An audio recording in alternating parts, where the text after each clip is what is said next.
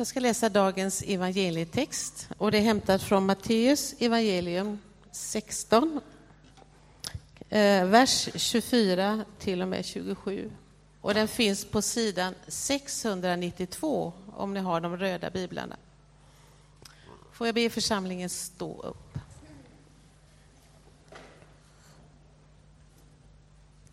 Sedan sa Jesus till sina lärjungar om ni vill gå i mina spår måste, ni förneka, måste han förneka sig själv och ta sitt kors och följa mig.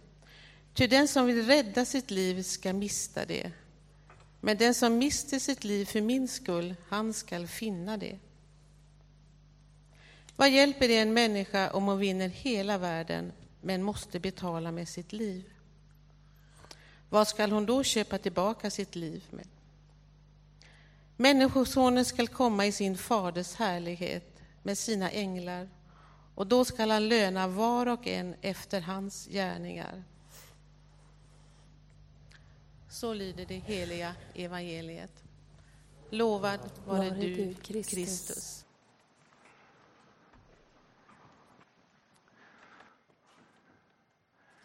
Om någon vill gå i mina fotspår det säger Jesus i den text som Annette alldeles nyss läste.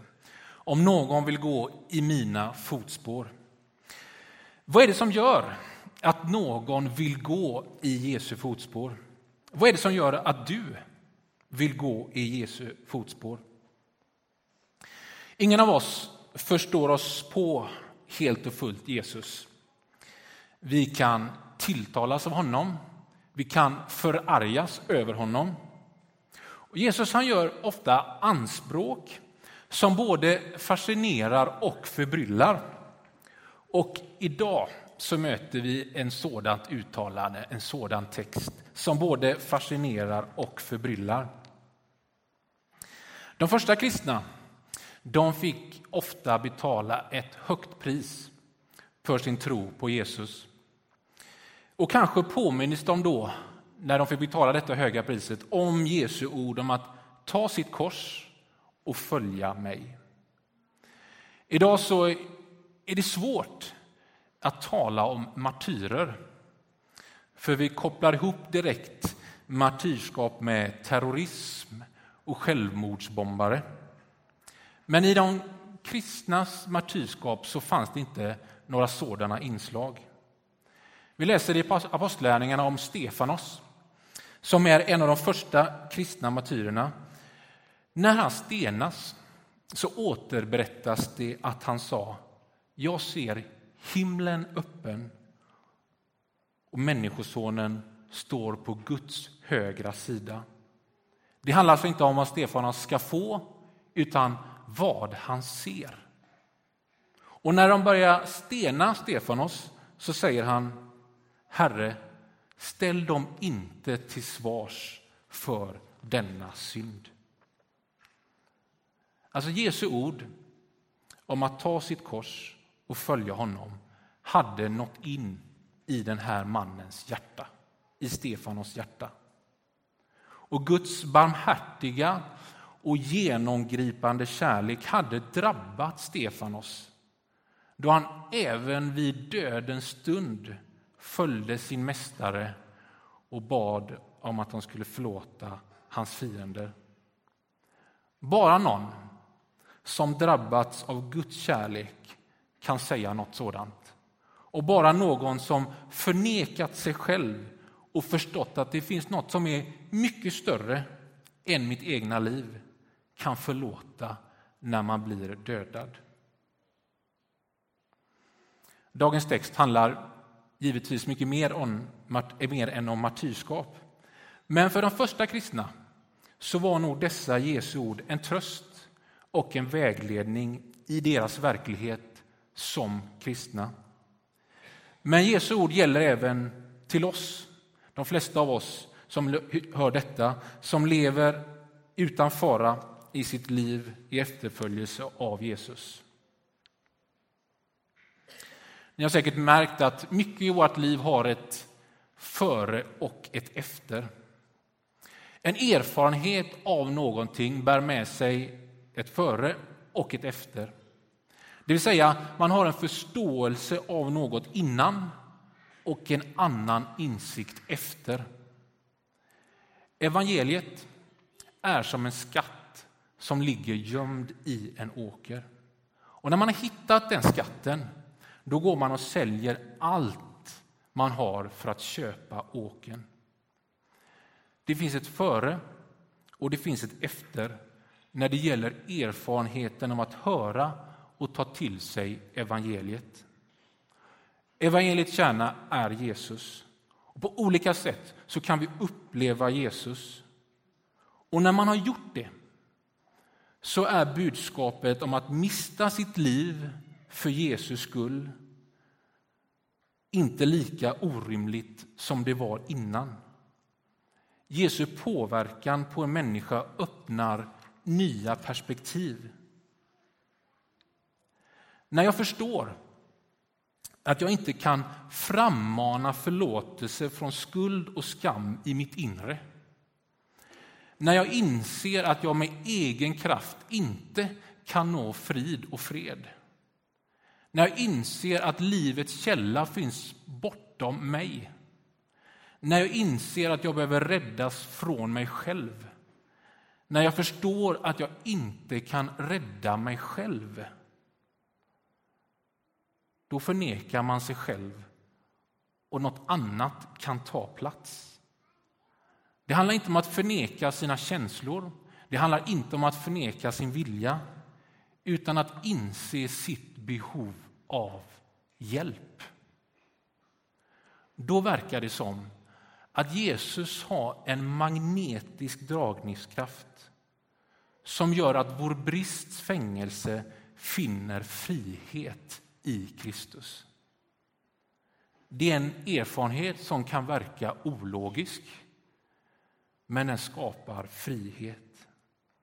När vi ersätter vårt eget jag som herre över våra liv till att Jesus istället får den platsen, då börjar någonting att hända. Man skulle kunna tro att livet blir begränsat att det skulle bli bundet av det bytet. Att man tar bort sitt eget jag från Herre till Jesus. Man kanske skulle kunna tro att det blir begränsat och bundet. Men effekten av tron på Jesus verkar ha motsatt effekt, nämligen frihet. Det är som att man mister sitt liv, men ändå finner det. Och Jesus, han erbjuder liv.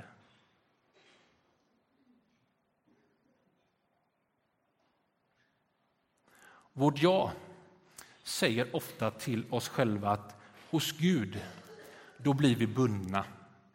Gud, han vill egentligen inte mitt bästa. Gud, han vill egentligen bara kontrollera mig.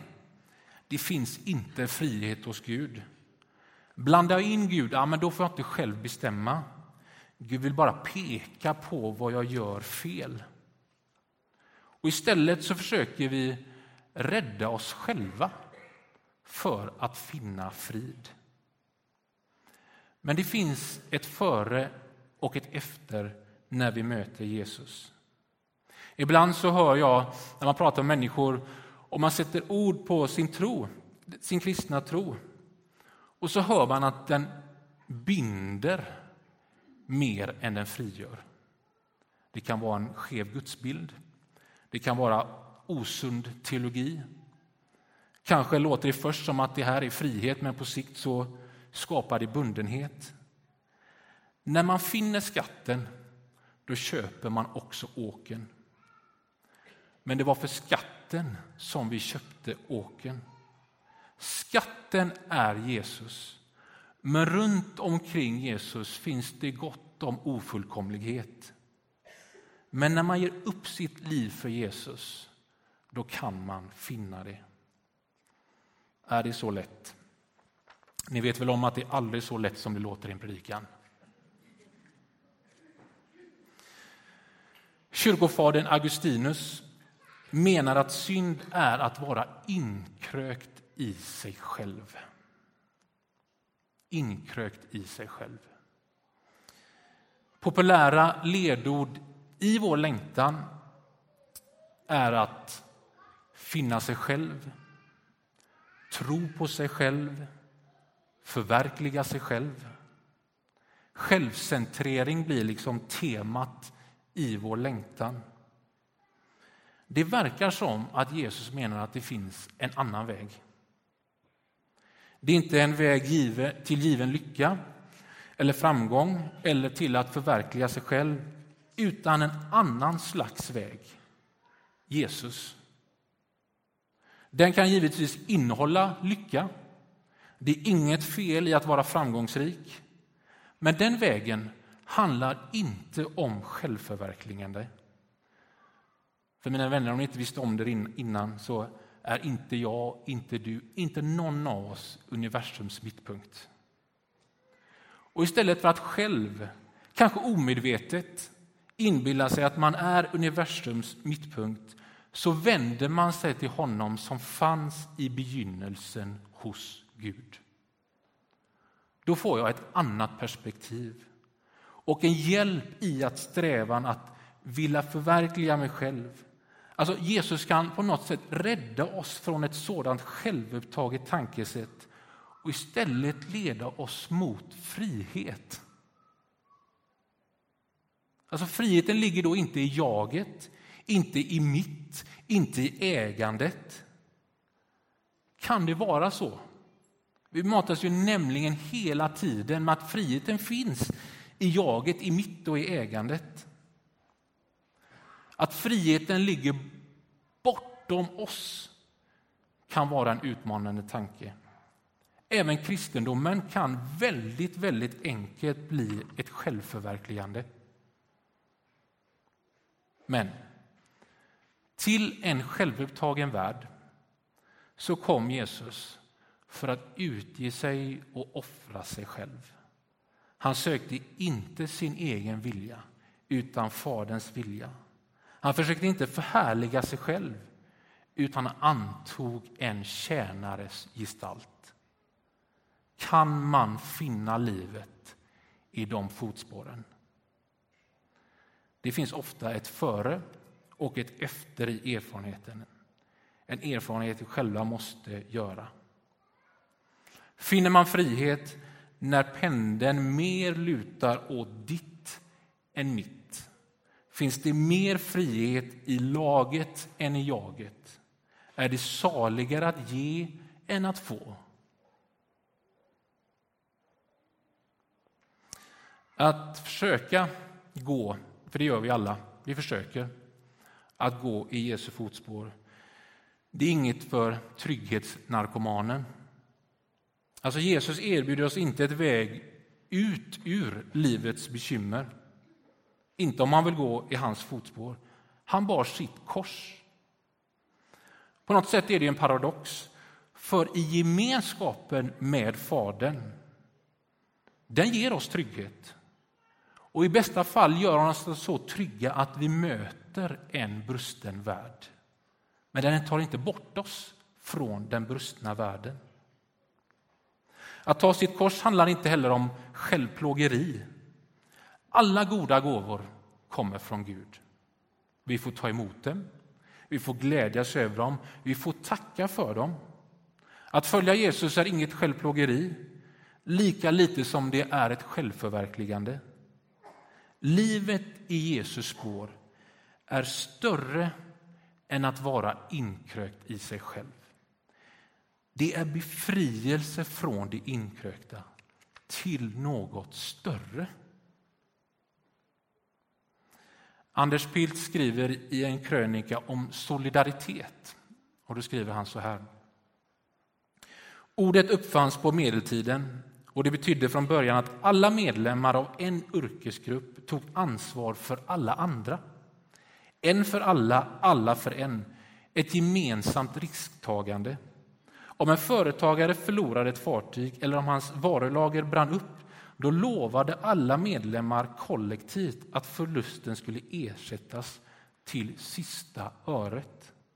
Detta åtagande ledde till en anda av samhörighet där man blev uppmärksam på att säkra de andras behov inte bara de egna. Kan solidaritet beskriva ett liv i Jesu fotspår? Alltså, vad hjälper det om en människa vinner hela världen men ändå måste betala med sitt liv?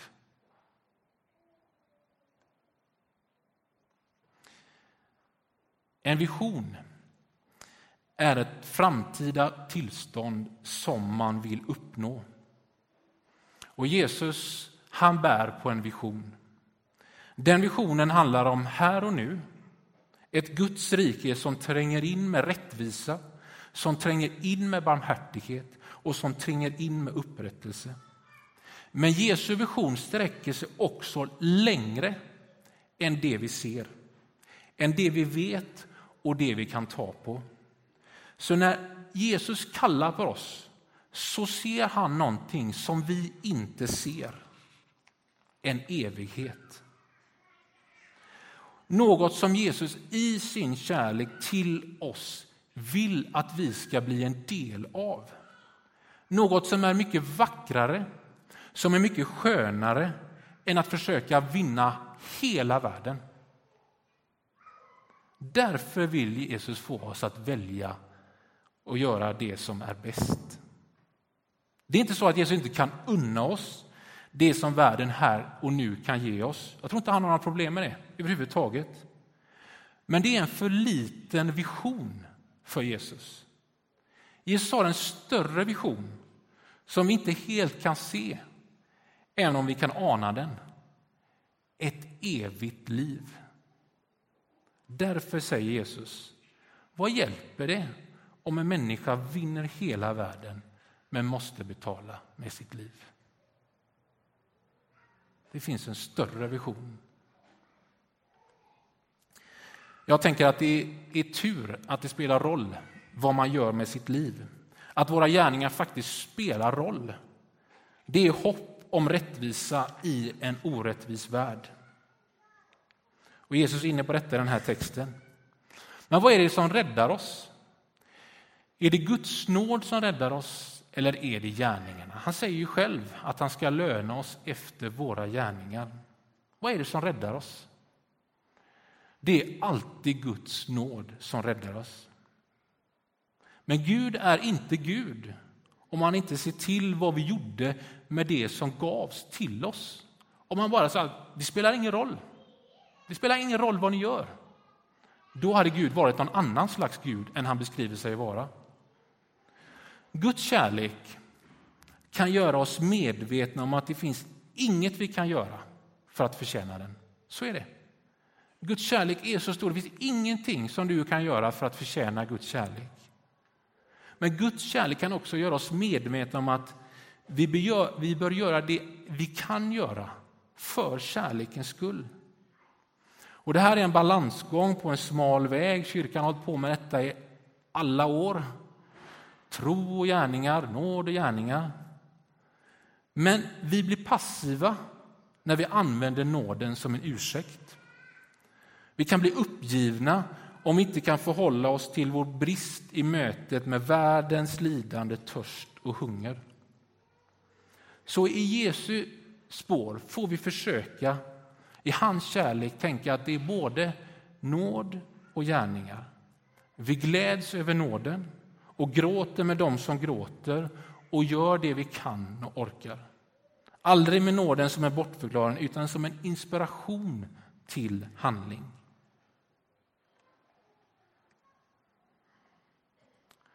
Lite till. När den gode heden talar då känner fåren igen hans röst. Känner du igen Guds omsorg och kärlek i Jesu röst?